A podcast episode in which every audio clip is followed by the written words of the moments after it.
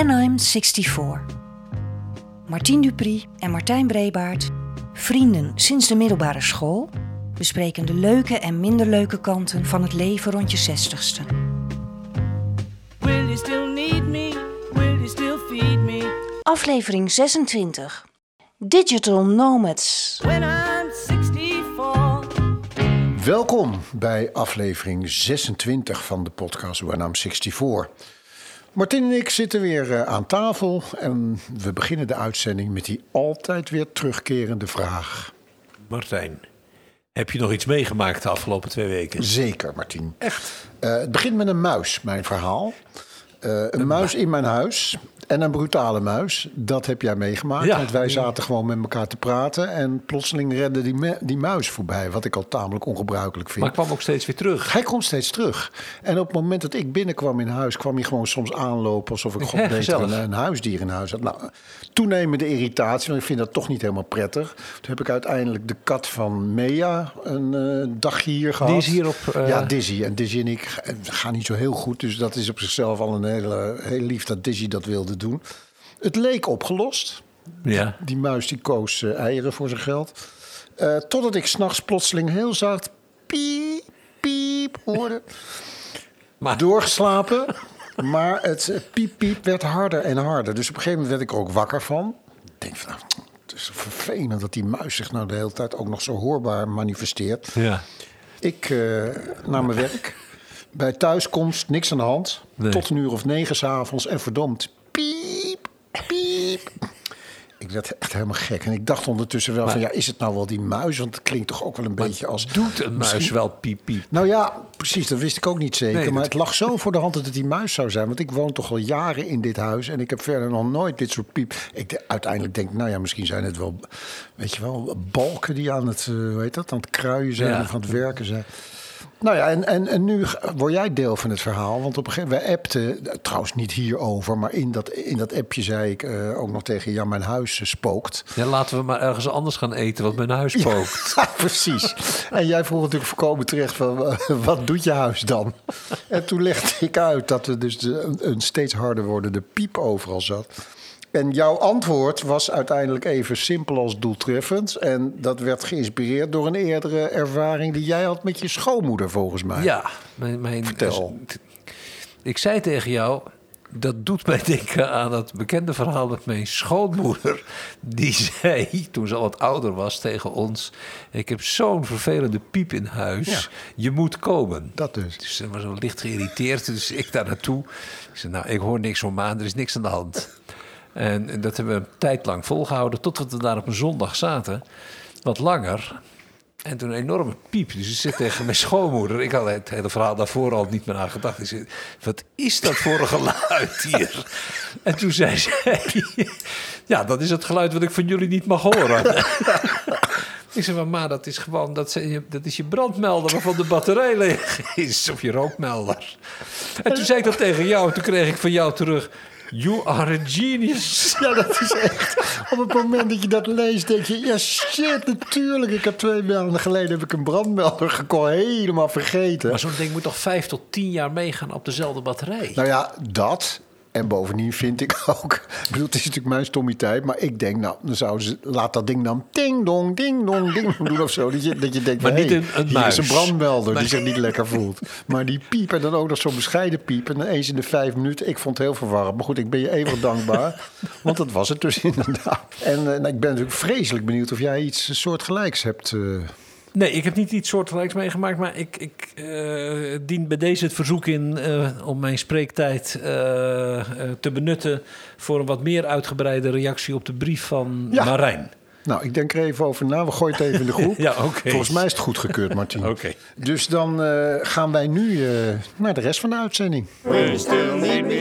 You still feed me when I'm 64? When I'm 94?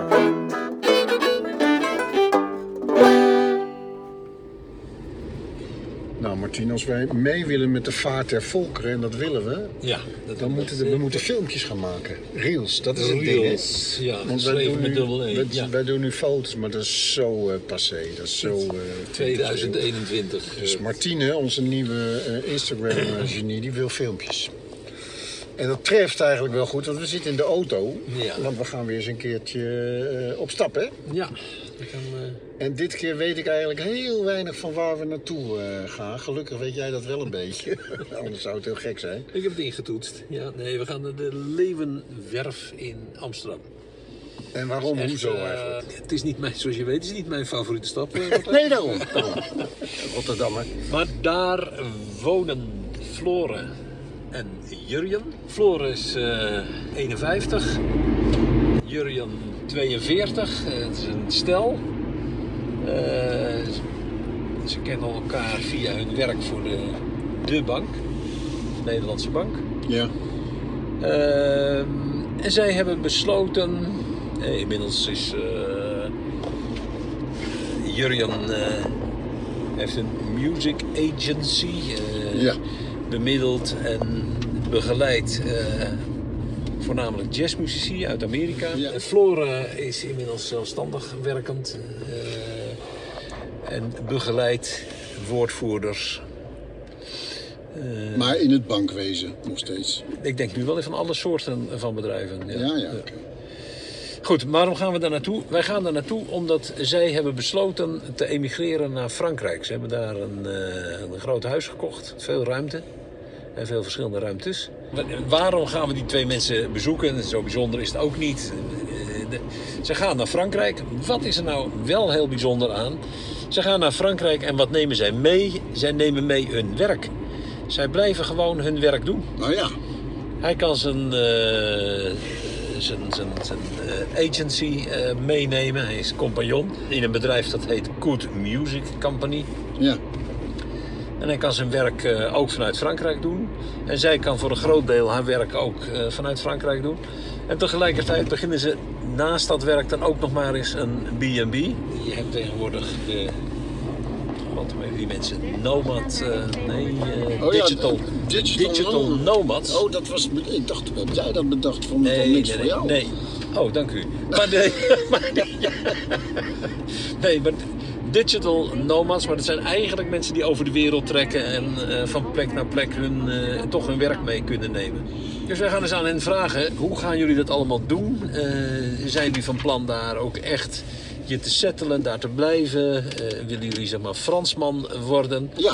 Ben je van plan op termijn terug te komen? En wanneer zijn wij Ja. welkom in... Van, Ja, ja, natuurlijk wel. ja, inderdaad. Ik, ik zou niet zo makkelijk. eh, Nou, dat wou ik net vragen. Zou, zou jij, zou jij, kan je daar echt iets bij voorstellen? En zo ja, wanneer? En, want als je het nog wil doen, dan moet je natuurlijk wel een beetje opschieten. Ja. Ja, maar ik ben dan toch meer van. eh, we, hebben een, eh, we hebben het geld er niet voor, maar we hebben een huis in Frankrijk. Ja, Waar je dan wat vaker naartoe gaat en zo mogelijk ook in de vakantie. Wel, maar wel vanuit.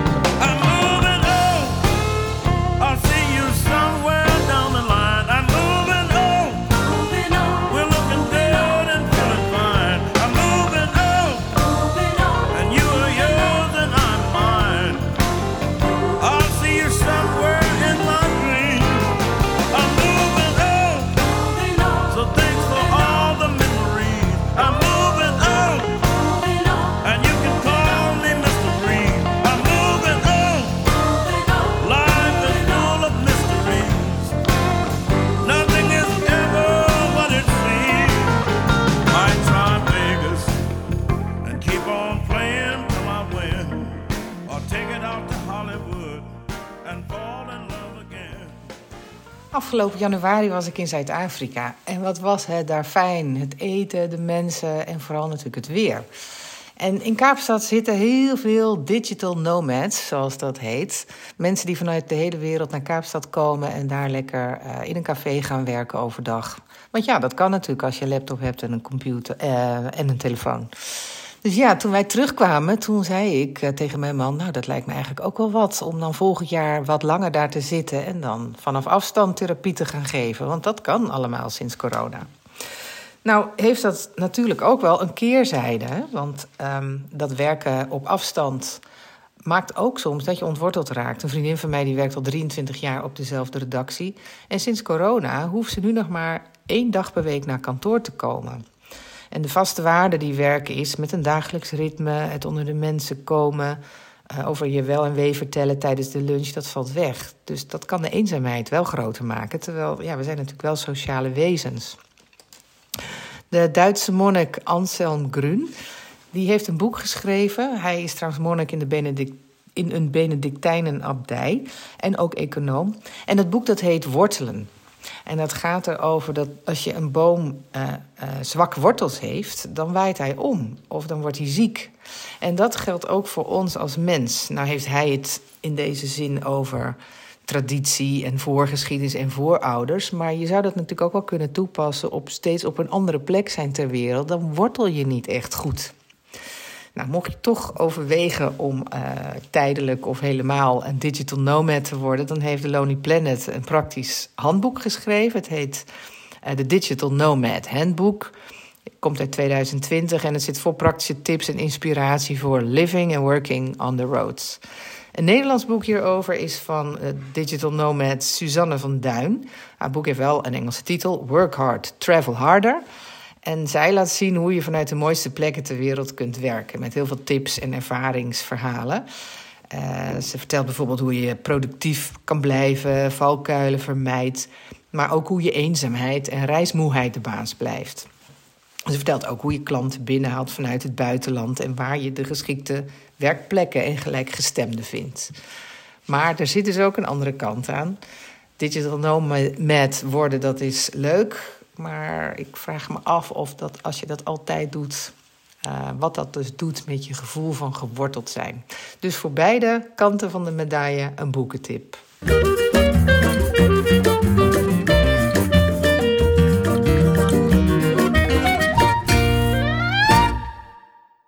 We zijn er. We zijn er, Martin. Ja, we zijn bij uh, Jurre, Jurjen en uh, Floren aangekomen. Prachtig huis hebben jullie. Welkom. Ja. Dankjewel. Ik heb verteld in de auto uh, dat jullie gaan emigreren naar Frankrijk. Waarom? Noemen jullie het zelf emigreren trouwens? Ja, zeker. Ja? Ja, zeker. Ja, ja, ja, ja. Want we gaan daar definitief wonen. Ja, ja we gaan wel echt Nederland verlaten. Nou, dat schreeuwt om het waarom. Ja, dat, dat, uh, ja waar, waarom? Waar, waar... Uh, uh, een nieuwe uitdaging, een leuk land, mooie ja, mogelijkheden, kansen. Avontuur. Avontuur. Het is meer een positief dan dat het... Het is niet zo dat jullie het niet meer uithouden in Nederland nee, of zo. Of dat, nee, nee, we zijn hier ook heel gelukkig. Ja, ja. Nee, maar wat is dan het... Welk doel heb je dan jezelf gesteld? Een ander leven. Uh, en daar iets op te gaan bouwen, dat is natuurlijk wel weer een ja. nieuwe uitdaging. Ik bedoel, hier hebben we allebei werk en een huis en vrienden, ja. familie. En uh, nou ja, het op zich goed voor elkaar. En dan is het leuk om uh, ja, ook weer proberen iets anders op te bouwen. En een, ook, ja, wij werken allebei zelfstandig, maar daar gaan we echt samen een bedrijf voor bouwen. Hoe is dat gevoelsmatig? Want ik, ik heb al eens een keer tegen jullie gezegd... Uh, het doet een beetje denken aan met pensioen gaan. Dat je ineens met z'n tweeën uh, in nou, één ja. ruimte zit. Ja, ja. Is natuurlijk zo. Maar we hebben natuurlijk corona gehad. Ja. En uh, in die periode zaten we natuurlijk ook opeens samen aan de keukentafel te werken. En uh, ja, dat bleek eigenlijk heel erg goed te gaan. Ja, ja, ja nee, ik kan me wel voorstellen dat. Maar ik, ik zie het niet als uh, met pensioen gaan. Nee, maar bedoel, is... het is net zoals met pensioen gaan, dat je ineens ja. met z'n tweeën bent. Terwijl je normaal ja. gesproken natuurlijk heel veel uh, gescheiden van elkaar opereert. Ja, dat. Maar ik, ik, ik denk dat toch heel veel mensen gaan komen. Ik bedoel, dat is wel een ja? beetje het beeld wat ik erbij heb. Want jullie zeggen van de spannendste ja. dingen lijkt me. Opeens ben je in Auvergne, is het hè? Ja, ja, ja. ja zeker, zeker. En die, uh, ja, de taal spreken we wel, kan beter, grammaticaal zeker. Maar dat komt vanzelf. We doen nu, uh, in principe doen we nu alles tot nu toe in het Frans... met de architect en de burgemeester. En tot nu toe uh, zijn we met open armen ontvangen. Eigenlijk overal, ook in onze zoektocht. En ook als we gewoon in een restaurantje of een cafeetje of op een terrasje zaten en in gesprek raakten met mensen en je vertelde wat je plannen zijn, dat je op zoek bent naar een huis, zijn mensen eigenlijk heel enthousiast. Hey, wat leuk dat jullie hier naartoe willen komen. En, uh, ja, maar ik denk dat de taal dan inderdaad wel heel belangrijk is. Ja. Ja. ja, dat maakt het eerste contact zeker uh, wat ontspannender ook. Ja. En, en het uh, is ook fijn dat het qua afstand, we praten niet over Canada of zo. Hè? Je nee. kunt inderdaad, als je, een, nee. als je een lang weekend hebt, kun je ook even uh, op Ja, het is nog wel een eentje hoor. Het is toch nog snel 900 uh, oh, kilometer, 1000 kilometer. Ja, is een heel lang weekend. Oh, maar je kan ook met de trein komen. Oh ja. Nou, en we hebben dus ook een huis gezocht wat maximaal een uur van een TGV-station ja, zou ja, zijn. Okay, ja. Hey, en zonder te veel in detail te treden, maar hoe, ze- hoe liggen die prijzen vergeleken bij, bij nee? Want ik, je hoort dat dat ook wel omhoog geschoten is de laatste jaren. Nee, niet op het platteland. Het gewone Frans platteland, daar zijn de prijsstijgingen zeer geleidelijk. Oké. En onvergelijkbaar met wat we hier in Nederland betalen. Ja. Dus eh, ja, weet Maar je ja. wel, waar je hier in, eh in Inimini... eh, nou, in Amsterdam koop je er niks voor, maar waar Ik wou het zeggen, dat moet je ook niet in in Amsterdam Rotterdam gaan nog een eh één of twee kamer flatje... niet per se in de beste buurt kan kopen... koop je daar een boerderij met grond. Nou ja. Nou ja, bij ons in het gehucht staat nog een huis te koop. En die is eh 100 vierkante meter. En daar wordt 35.000 euro voor gevraagd. Serieus. Met een voor- en achter. Hij moet wel gerenoveerd worden, hoor. Maar goed, dus de, ja, de, de prijzen zijn... eh, je, je- nou, je kan in ieder geval voor heel weinig geld kan je iets Ja, kopen. Maar ja. goed, er moet wel werk in. Ja. Ja.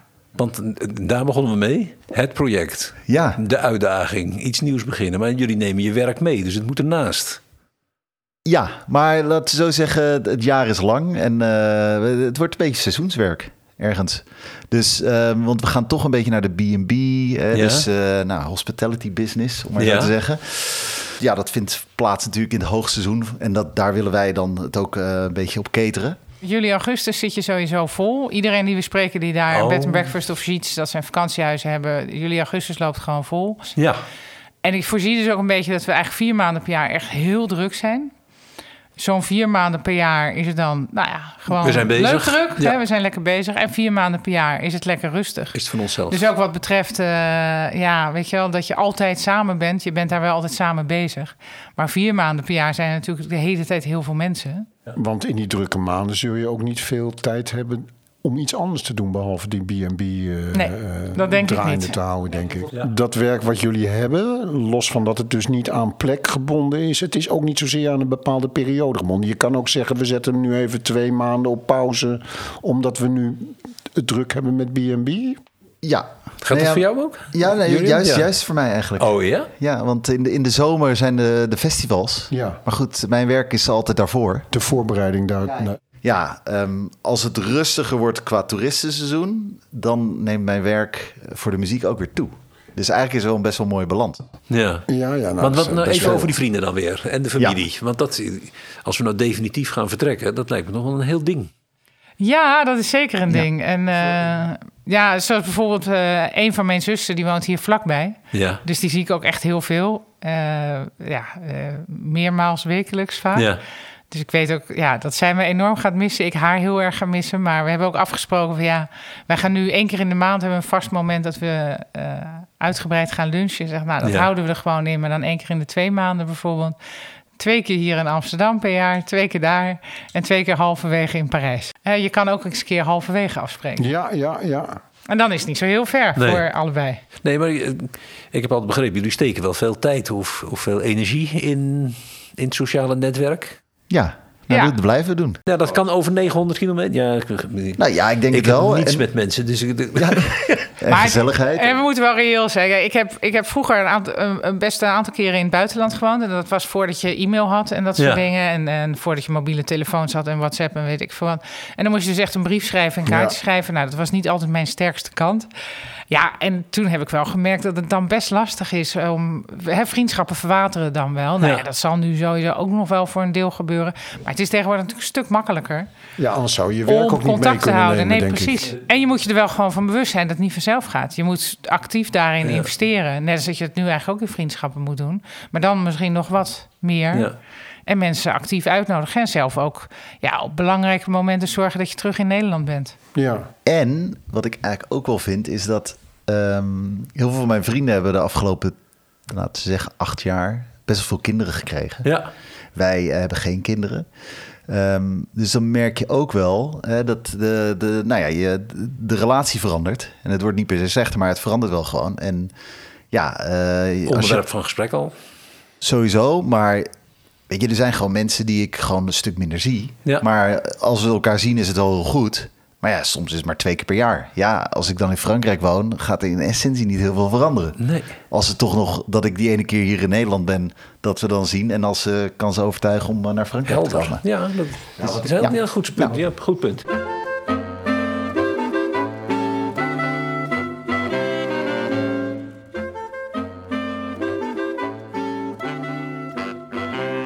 Wat ik van jullie verhaal zo fantastisch vind... en dat is volgens mij eh, bijna leeftijdsloos... is dat je besluit om gewoon een nieuw, nieuw, nieuw leven te beginnen. Hè? Je maakt een hele Ja. nieuwe, nieuwe start. Vrienden van mij die zijn in Frankrijk, in, de, in, de, in Bourgondië... Oh ja. Ja. Zijn ze, waren twee eh, eh, mensen uit het onderwijs, hebben alles achter zich verkocht. Maar die zijn dus een totaal nieuw eh, eh, leven begonnen. Dat vind ik echt dat vind ik geweldig. Ja. Op hun 65, 66. Ja, Hebben jullie nou het idee van we moeten het nu doen, want straks gaan we met pensioen en dan doen we het niet meer? Of eh, speelt dat niet mee? Nou, de mate waarin je het doet speelt voor mij wel een beetje. Ik heb wel op een gegeven moment gezegd, toen we erover hadden met elkaar... en ik ben weer iets ouder dan Jurjen... en dat ik wel zei van ja, als we het gaan doen... dan wil ik het wel tussen nu en vijf jaar doen. Nou ja, dat was twee, drie jaar geleden. Zo van, hè, dan moeten we wel nu echt beginnen met op een rij zetten... wat willen we, wat hebben we dan nodig? Hè? Aantal voor, nou ja, van wat voor soort huis en hoeveel ruimte hebben we nodig? En nou ja, gaan kijken. En, eh, dus we zijn een paar keer en ook door een aantal gebieden heen gereden... van eh, waar zouden we dan willen wonen? Ja. Hebben we echt wel eh, nou ja, goed rondgereden en gekeken waar we zouden willen zitten. En, maar het, is wel, het heeft wel meegespeeld inderdaad. Ik ben nu 51 en dat ik dacht van ja, het zou wel fijn zijn als, als het zeg maar up and running is tegen tijd voordat ik 55 ben. Ja. Ja. Want ik denk als ik dan 60 ben, dan voelt het weer anders. Ik vind het wel heel leuk nu dat ik het gevoel heb, ja, ik kan dit nog 20 jaar. En dan kan je ook echt iets bouwen. Dan kan je iets neerzetten. Dan Ja. kan je de, hè, Ja. Want de eerste paar jaar, dan denk ik, ben je, is het gekkenhuis om aan te wennen en opbouwen. Maar ook allemaal noodzakelijke dingen aan doen. Ja, eh, we hebben heel veel gelezen op internet. Dat is natuurlijk tegenwoordig heel fijn. Oh ja. Er zijn natuurlijk heel veel Nederlanders naar Frankrijk geëmigreerd. En Ja. die, eh, er zijn ook heel veel websites van Nederlanders in Frankrijk die al hun ervaringen delen. Draad en daad in Dus eh, ja, dat soort. Ja. Oh, ja. Dus dat is heel fijn om te beginnen. Eh, en verder hebben we wel een Nederlandse advocaat die al 30 jaar in Frankrijk Ah. zit. En die het Franse recht dus goed kent, maar die, en die daar gewoon werkt als advocaat, maar ook Nederlanders. Die hebben bijvoorbeeld het voorlopig koopcontract laten Ja, ja, ja, lezen. ja. En samen met hem doorgenomen. Maar ja, in Nederland laat je een ingewikkeld contract ook door iemand lezen. Ja. Als je daar zelf niet in thuis bent. Nee, dat Dus dat is wel, eh, wel handig. En dat was ook Ehm, heel handig toen we bij de notaris waren. Ja, want de notaris loopt er helemaal met je doorheen. Ja. Net als in Nederland. Alle punten die we met onze advocaat hadden besproken. kwamen. Toen wisten we dus al waar het over ging. Oh ja, je was Keurig. goed voorbereid. Ja. Ja. Dus toen hebben we alles dus in het Frans kunnen doen. Dus toen leek het alsof heel goed Frans Ja, nou ja, dat maakt indruk. Ja. Ja, ja. oui, oui. Buiten die, die, die gastenkamers willen we juist hebben we een hele grote ruimte. Waar we, die we juist ook willen gaan verhuren voor trainingen en retraites en hijsessies en dat soort dingen. Ook de, richting de Franse zakelijke markt. En dat vind ik juist een hele leuke uitdaging om daar ook mensen achter te gaan. En jullie hebben natuurlijk ook gewoon nog meer energie. Kijk, het voordeel Ja. van, die, van de pensioen vind ik wel... oké, je hebt echt je werkbare leven, eh, werkzame leven afgesloten, weet je wel. Ehm, je, nou, ik heb wel kinderen, maar die zijn inmiddels ook volwassen. Ehm, mijn ouders zijn overleden. Dus wat dat betreft zijn er... Voor mij is het makkelijker. Martien heeft kleinkinderen, die heb ik niet. Dus ik zou me heel goed kunnen voorstellen van... nou ja, die, de, de, die banden die mij hier zouden houden... dat, dat geldt nu niet meer zo. Hij heeft ook heel veel kleinkinderen. Ja. Hij heeft Die heel veel van zijn zorg En hele nodig leuke hebben. ook. Die ook heel veel van zijn zorg nodig. Ja. Ik zeg even niks. Nee, het is ontzettend. ik heb absoluut leukste kleinkinderen van Nederland. Ja. Ja, zeker. En ik, ik vind inderdaad, ik, ik weet van een collega van mij die eh, woonde eh, bij Clermont-Ferrand in de buurt. Althans, daar woonde niet, maar daar had hij een tweede huis. Ja. En die nam gewoon zijn, weet je, dat kan tegenwoordig allemaal, eh, zijn kleine soundpad mee en een computer. En die zat Ja. daar gewoon de hele zomer te arrangeren. En waarom niet? En dan stuurde hij het via mp3'tje, stuurde hij het naar Amsterdam. En daar zaten de muzikanten die dat dan gingen... Dat is natuurlijk fantastisch dat dat allemaal kan tegenwoordig. Nou ja, dat maakt het ook wel weer makkelijker hè, nu. Dat je inderdaad veel meer... Jij kan, met je, bedrijf, jij kan je bedrijf voortzetten. Ja. Ik kan ook nog eens een opdracht aannemen... want ik vind het toch wel heel erg leuk om te doen. Eh, dat je dan zo nu en dan ook daarvoor naar Nederland moet komen. Dat is ook prima. Eh, je kan toch wat makkelijker dat contact onderhouden... via eh, nou ja, WhatsApp of hè, gewoon eh, videobellen. Dus ja, dat maakt het wel makkelijker om zo'n stap tegenwoordig te nemen, denk ik. Nou, om in de geest ook van deze podcast te blijven. Ja, graag. Ik denk zelf niet echt dat ik eh, per se met pensioen ga. Maar dat dacht, ik, dat dacht ik op jouw leeftijd ook niet. Maar, nee, maar als, als ik gewoon kijk naar de, de, hoe, ik, nee, hoe, ik mijn, hoe ik mijn leven zullen we maar zeggen, een beetje inricht. Maar ook eh, waar je geld vandaan haalt en dat soort dingen. Hè, ik, bedoel, kijk, ik, ik, kan, ik, ik, ik zie het eigenlijk zo voor me dat, het- dat ik hè, de, de inkomstenbronnen spreid. Dus ik heb dan de muziek en dan hebben we een, eh, de B&B. Ja. Ehm, en, en er komt misschien nog eh, later eh, nog wat. Ik wil eigenlijk ook nog wel een muziekstudio bouwen daar. Dat zou ook wel heel mooi zijn als dat Ja. eh, gaat lukken. Vergt natuurlijk ook nog wel een investering, maar nou ja, zo- kan je een beetje er naar kijken. En dan denk ik, ja, ik zie niet echt de reden om per se te stoppen. Nee, maar dat ben ik helemaal met je eens. Alleen dat heeft ook natuurlijk te maken met het soort werk wat jij hebt. Ja. Want ik heb Je raakt hier een openliggende zenuw. Ja, nou ja, eh, openliggend, maar het is wel realiteit. Ik werd op een gegeven moment eh, gewoon... eh, Ik, ik kreeg te horen van ja, het is nu toch wel tijd dat je, eh, dat je ophoepelt. Je krijgt Ja. in december AOW, wat ik al volstrekt ondenkbaar vind. Maar ik had het idee dat ik nog wel tien jaar verder zou kunnen, weet je wel. Ja. Maar eh, Maar dat is natuurlijk het voordeel als je voor jezelf werkt. Ja, nee, dat is ook Dan zo. eh, ja, kan je natuurlijk doorgaan. eh, Totdat je tegen jezelf zegt dat je moet oproepen. ja, en, en als je inderdaad toch een aantal dingen wel goed geregeld hebt... dat je wel de keuze hebt om te stoppen. Ja, Dat is wel ook wel heel fijn. En ik denk dat we dat wel aardig geregeld hebben. Zeker TZT. Dus het is wel heel fijn als je de vrijheid houdt. Nou ja, maar ik heb dus nu heel erg geleerd dat stoppen met je, in mijn geval met onderwijswerk, natuurlijk ook de start kan zijn van iets wat, eh, wat daarna Weer iets komt. nieuws. Ja. Daarom vind ik jullie verhaal ook zo spannend. Dat je denkt van, nou ja, ik zou me best kunnen voorstellen. Ik zeg maar wat dat ik eh, op afstand eh eh, arrangeeropdrachten zou doen, weet je wel. Ja. Dat je dat gewoon vanuit een studiootje in, in, in Frankrijk zou kunnen doen of zo. Ja. Ik, ik kan me voorstellen dat als, we als we allebei met pensioen zouden zijn... dat we dan misschien een iets minder grootschalig project zouden doen. Ook qua verbouwing, want het is nu Ja. wel heel Ja, groot. zo. En met een enorm... Ja, we hebben heel veel land ook... waar we ook heel veel mee willen doen nog. Dus we, we, hebben, we hebben echt wel plannen die 20 jaar nodig hebben... Ja. om ook uit te voeren, zeg maar. Ehm, maar dan nog steeds denk ik, ja, dat we hè, gewoon iets kleinschaliger. En dan misschien geen bed and breakfast, misschien ook wel, maar dan, dan heb je ook andere mogelijkheden. Dan kan het nog steeds heel goed. En we zijn heel veel leuke huizen tegengekomen, eh, niet al te duur. Die gewoon iets minder groot dan zijn, omdat er geen bed and breakfast dan per se in hoeft. Dan eh, kan je heel snel. eh, Nee, dat, dat hou Leuke je volgens plekken mij vinden, niet Kunnen een andere plek vinden, ja. Ja. Maar jullie zijn natuurlijk, je begon zelf over het leeftijdsverschil. Jullie zijn natuurlijk nu nog eh, redelijk, zeg maar, qua mobiliteit en fysiek onafhankelijk. ja. Ja. Hoe, hoe werkt dat in het hoofd? Want wij, nou ja, wij, wij eh, mijn vrouw en ik hadden altijd de wens om in Groningen te gaan wonen op het platteland. Ja. Maar hebben dat vanwege kinderen, kleinkinderen nooit gedaan. Maar ook niet, eh, omdat je natuurlijk wel... Je moet wel kunnen autorijden, anders is er snel vanaf. eh, ja, klopt. Om naar Nou je ja, huisarts te gaan. Of, eh, Hier hebben we natuurlijk alles op loopafstand in het centrum. Eh, ik bedoel, zelfs, Ja. zelfs het dichtstbijzijnde ziekenhuis is een kwartier lopen. Drie Eh, dierenartsen. eh, ja, er zitten er een, hele, heleboel inderdaad. En uh, tandartsen, alles zit hier in de buurt. En, eh, en Franse gezondheidszorg is in principe ook goed. Perfect, Ik bedoel, ja. ja, dat is... eh, maar we- ja, en dingen zijn goed geregeld. Dus het is, ja, je zit op het platteland. Maar dat is net als in Nederland het platteland. Ja. Zit je wat verder af ja. Van voorzieningen. Dat is natuurlijk gewoon, daar moet je reëel in zijn. Je krijgt wel makkelijker medicijnen. Oh. Schijnbaar. Zo, je moet echt je best doen om ze niet te krijgen. Will you still need me? Will you still feed me when I'm 64? Oh yeah,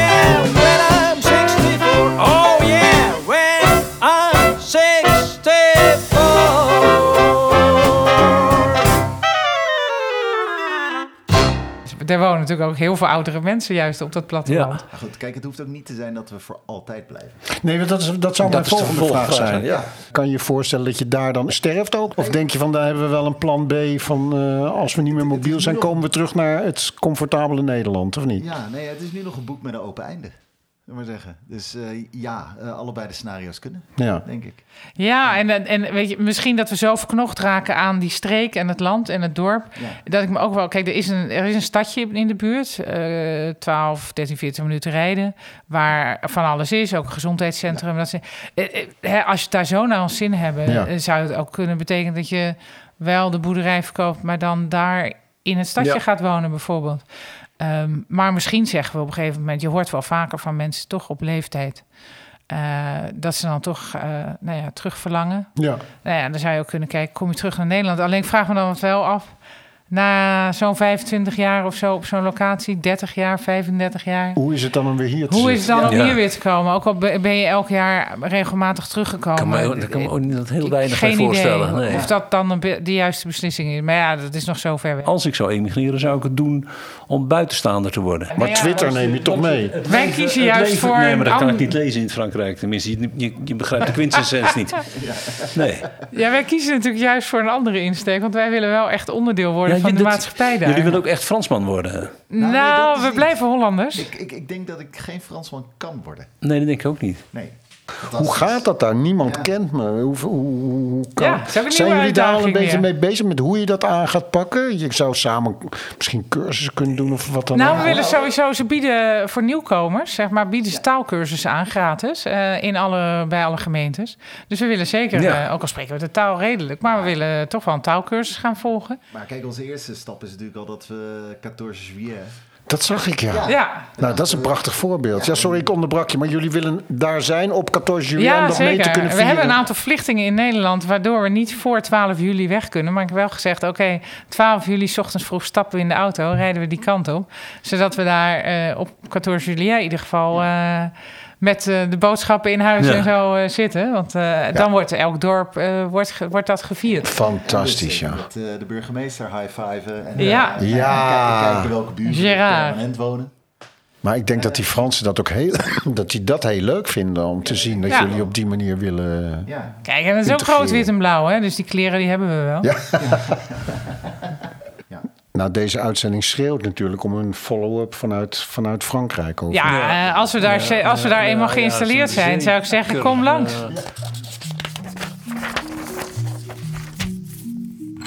Brief aan mijn vader. Elke aflevering schrijft Marijn Iwema een brief aan haar vader Martien. Vandaag de brief van woensdag 5 april. Hi pap. Reizen en nieuwe dingen ontdekken in het buitenland is niet iets dat jullie ons hebben meegegeven. We gingen wel op reis, maar daar was je toch vooral gesteld op je privacy. En als je eenmaal een goed restaurant had gevonden, had je het liefst altijd daar. Nou, ik heb je ook nog nooit horen fantaseren over een leven in het buitenland. Wel over het af kunnen melden bij deze maatschappij. Meer vanaf de zijlijn meekijken, maar er niet meer aan meedoen. Ja, dat klinkt voor mij ook wel heel bevrijdend. Het NIDI deed een onderzoek naar pensioenmigranten. Ja, zij namen daarin de leeftijd na je 50ste. En hierbij zie je een enorme piek rond de 65-jarige leeftijd. Toch vertrekt een derde al voor het 60ste levensjaar. Bij vrouwen ligt dat trouwens ietsje jonger. Eerlijk gezegd legde ik direct de link met de laatste verkiezingen.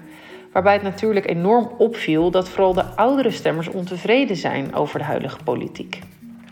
Maar tot mijn verbazing zie je dat dat helemaal niet in de top 3 staat om te emigreren bij deze pensioenmigranten. Dat zijn namelijk de natuur, het weer en de cultuur in het land. Ja, wij mopperen graag samen over de politiek, over waar het heen moet met Nederland, over de slechte zorg. Ga zo maar door. Het afmelden klinkt steeds aantrekkelijker. Ik weet zeker dat je mam nooit meekrijgt en dat dat jou maar al te goed uitkomt. Jullie blijven, gelukkig voor ons, veel te graag dicht bij ons en de kleinkinderen in de buurt. Maar stel nou dat je zou gaan. Waar zou je heen gaan? En wat zou je daar dan gaan doen? Kus. Marijn. Ja, ik zou kiezen voor Frankrijk. Niet al te zuidelijk en een beetje afgelegen. Want in mijn fantasie maak ik daar meer kans om onafhankelijk van mensen te zijn, van meningen, van wetten en de maatschappij. Meer dan bijvoorbeeld in eh, Zuid-Duitsland, waar het klimaat voor mij beter zou zijn. En wat ga ik daar dan doen? Ik ga genieten van het onthecht zijn. Ik zou niet meer werken. Ik zou denk ik iets met de tuin doen. En me vooral enorm verkneukelen en, en veel voorbereidingstijd steken in het feit dat jullie en de kleinkinderen weer gaan komen. Dat we samen gaan eten, eh, drinken en eh, van elkaar houden. Dus waarom weg? Ja, ik zou weggaan omdat ik het liefst me zou afmelden bij de maatschappij.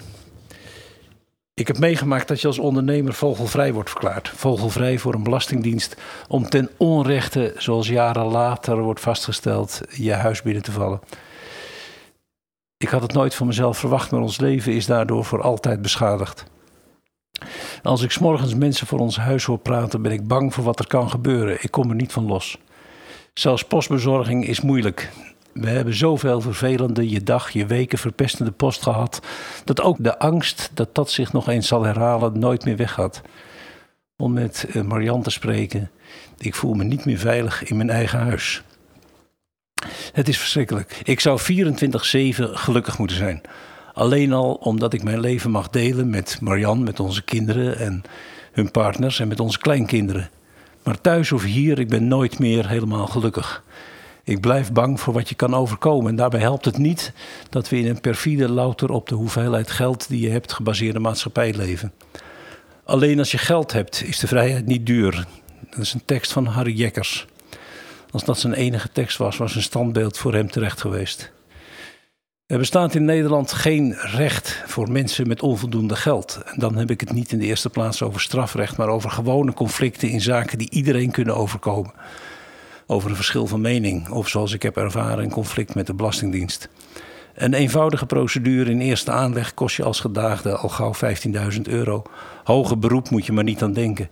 En voor die 15.000 euro krijg je een advocaat die in de rechtszaal zegt: Oh ja, dat moest ik je nog vertellen.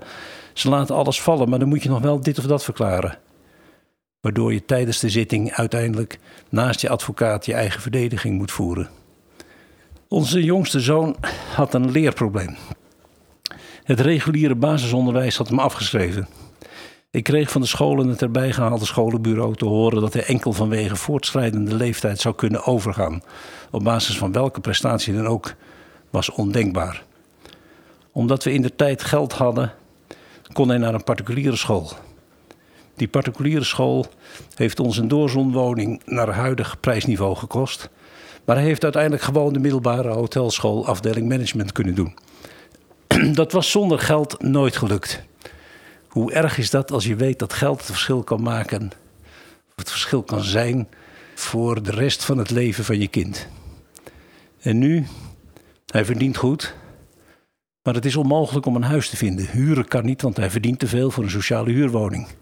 In de vrije sector vragen Prins Bernhard en consorten belachelijk hoge huren. En stellen zo mogelijk nog meer idiote voorwaarden. 3,5 tot 6 keer de huursom als maandloon is heel normaal. Die huurwoningen zijn veel te duur. Waardoor als je eenmaal erin zit, je nooit meer aan een koopwoning hoeft te denken. Ze hebben je bij de ballen. Het enige wat je kunt doen is elke maand de jaarlijks stijgende huur blijven betalen. Een koopwoning zou je veel minder kosten, maar we hebben het zo geregeld dat inmiddels voor nog maar 3,5% van de starters een koopwoning financierbaar is. En wat zegt onze minister van Volkshuisvesting?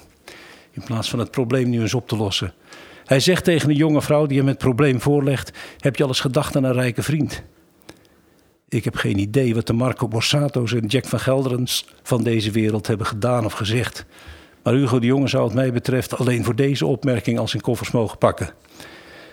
Om met Henk Spaan te spreken, vuilnisman, vuilnisman, mag deze zak ook mee. En nu ik toch bezig ben, er was een tijd dat ministers en staatssecretarissen verantwoordelijkheid namen voor wat door hun ambtenaren werd gewanpresteerd. Mijn schoonvader was een hoge politieambtenaar. Hij was zich er altijd van bewust dat zijn handelen ertoe zou kunnen leiden dat de minister zou moeten aftreden. Tegenwoordig verschuilt men zich achter: ik wist het niet. Ze hebben me niet ingelicht, ik begreep het niet, ik zal het nooit meer doen, het was mijn voorganger. Dat is allemaal staatsrechtelijke apenkool. Iemand moet uiteindelijk verantwoordelijk zijn en moet die verantwoordelijkheid durven dragen, ook voor de ambtenaren en ook voor het beleid van je voorganger.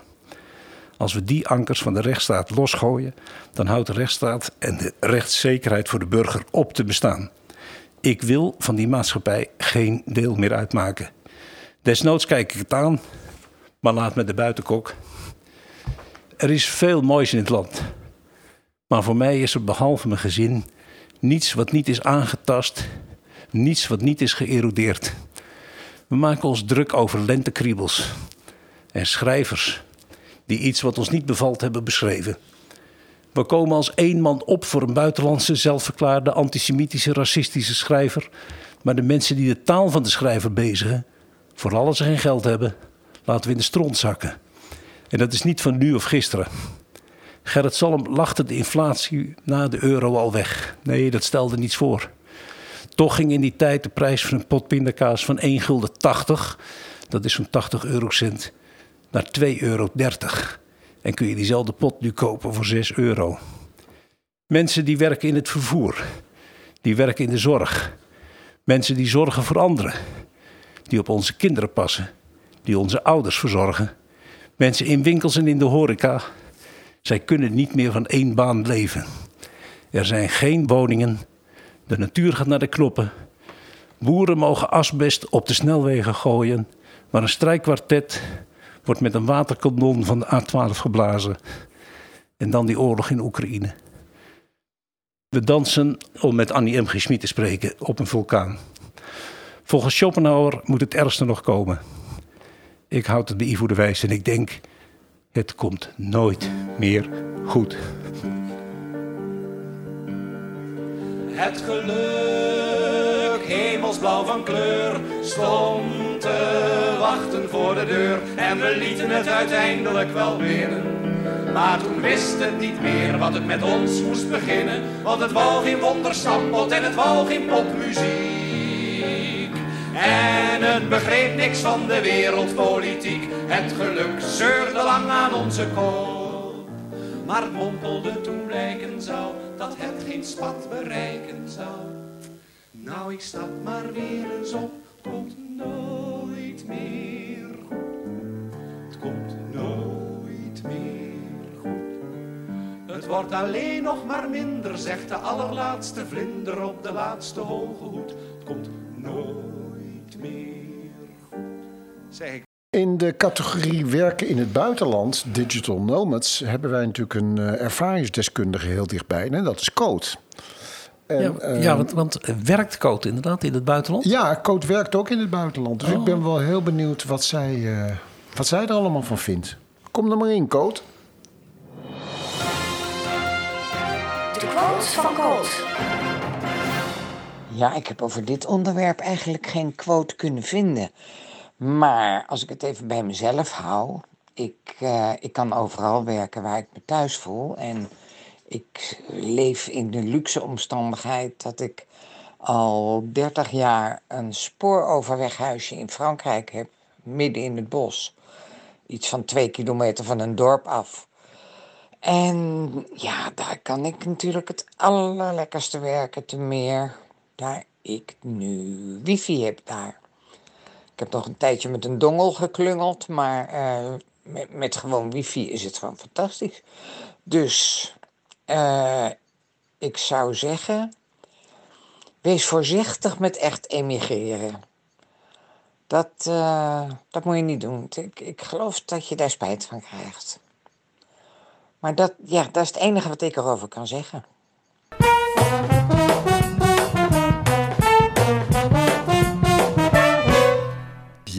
Geweldig- wat een geweldige reactie weer van, Mooi, eh, van Coot. Ja, voor mij mag ze wel vaker haar eigen, eh, haar eigen quotes eh, geven. Ja, fantastisch. Het sluit ook wel een beetje aan bij wat jij eerder zei. Hè? Ik zou wel een huis in het buitenland me voor kunnen stellen. Maar ik wil wel terug kunnen keren naar... Absoluut. Ja, dit dus in, de- in de categorie wat zou je het liefste willen? Ja. Dat is inderdaad naast je huis een huis in Frankrijk waar iedereen langs kan komen. En Als je je maar waar je ook de deur, ja, waar je de deur weer dicht kan gooien. Ja. Waar ik dan altijd wel een beetje bang voor ben... is dat je dan dus weet je, wel, min of meer gedwongen wordt... om iedere vakantie naar dezelfde plek te gaan. ja, dat is dus mijn eh, ideaalbeeld. Ja, precies. Terwijl ik denk van, oh, er zijn nog zoveel plekken waar Dat is wat Marijn bedoelt met als jij eenmaal een goed restaurant hebt gevonden, krijg je het ja, nooit meer mee ergens anders dat naartoe. Zeker, ja, ja, dat zijn van die verschillen tussen ons die het ook wel weer leuk maakt.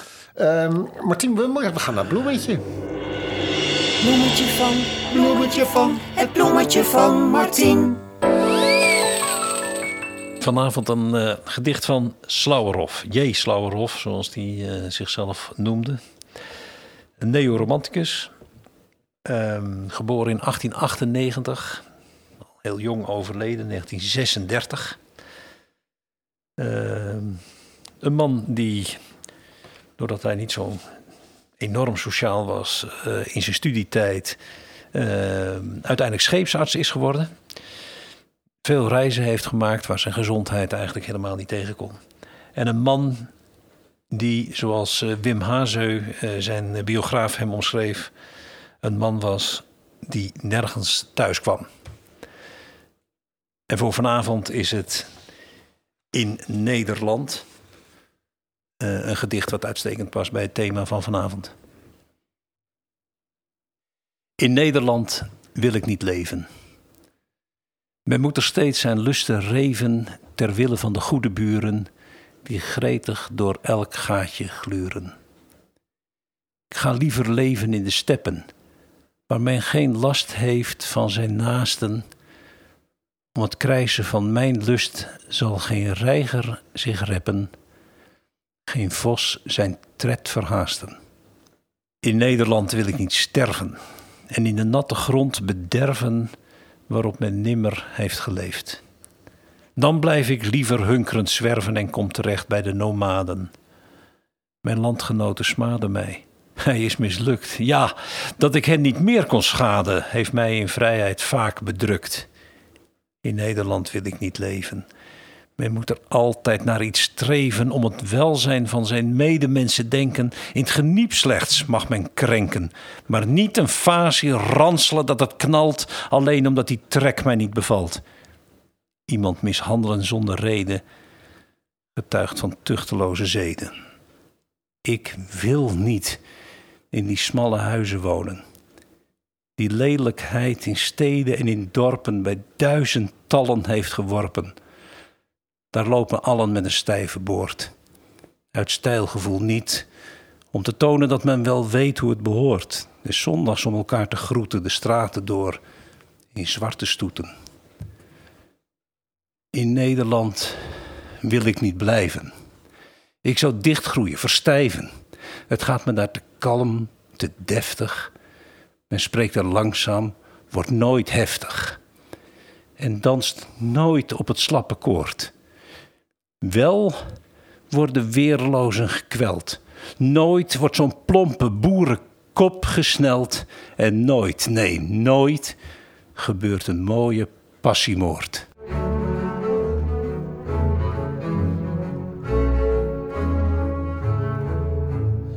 En dat was hem dan weer. Aflevering 26 van onze podcast When I'm 64 eindigt hier. Met dank aan onze speciale gasten Floor en Jurjen sluiten we de microfoons. Oh ja, nog één ding. Jullie kijken toch wel op ons Instagram-account, hè? When I'm 64 pot.